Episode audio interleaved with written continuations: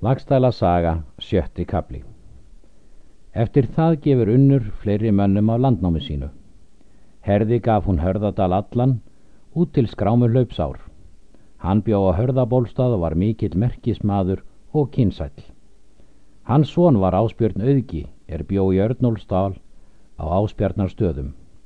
Hann átti Þorbjörgu dóttir miðfjardar skeggja.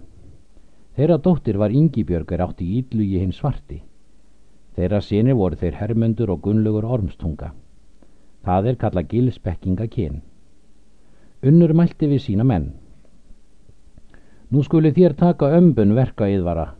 Skortir á snú og eigi föng til að gjalda yður starfið vart og góðvilja. En yður er það kunnugt að ég hefi frelsi gefið þeim manni er erpur heiti, síni meldums jarls. Fór það fjarrum svo stórættaðan mann að ég vildi að hann bæri þrælsnafn. Síðan gaf unnur honum sögðafælst lönd á millum tungu ár og miðár.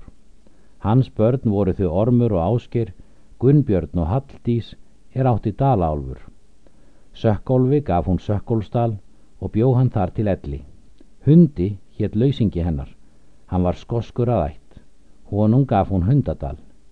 Vívill hétt ræll unnar hinn fjörði. Hún gaf honum Vívilsdal. Ósk hétt hinn fjörðadóttir Þorstins Rauðs. Hún var móðir Þorsteins Surtsins baka er fann sumarauka. Þórhildur héttinn fymta dóttir Þorsteins. Hún var móðir Áls í dölum. Telur margt manna kyn sitt til hans. Hans dóttir var Þorgerður, kona Ara Másonar á Reykjanesi, Allasonar, Úlssonar hins skjálka og Bjargar Eyvindardóttur sýstur Helga hins magra. Þaðan eru komni reyknesingar.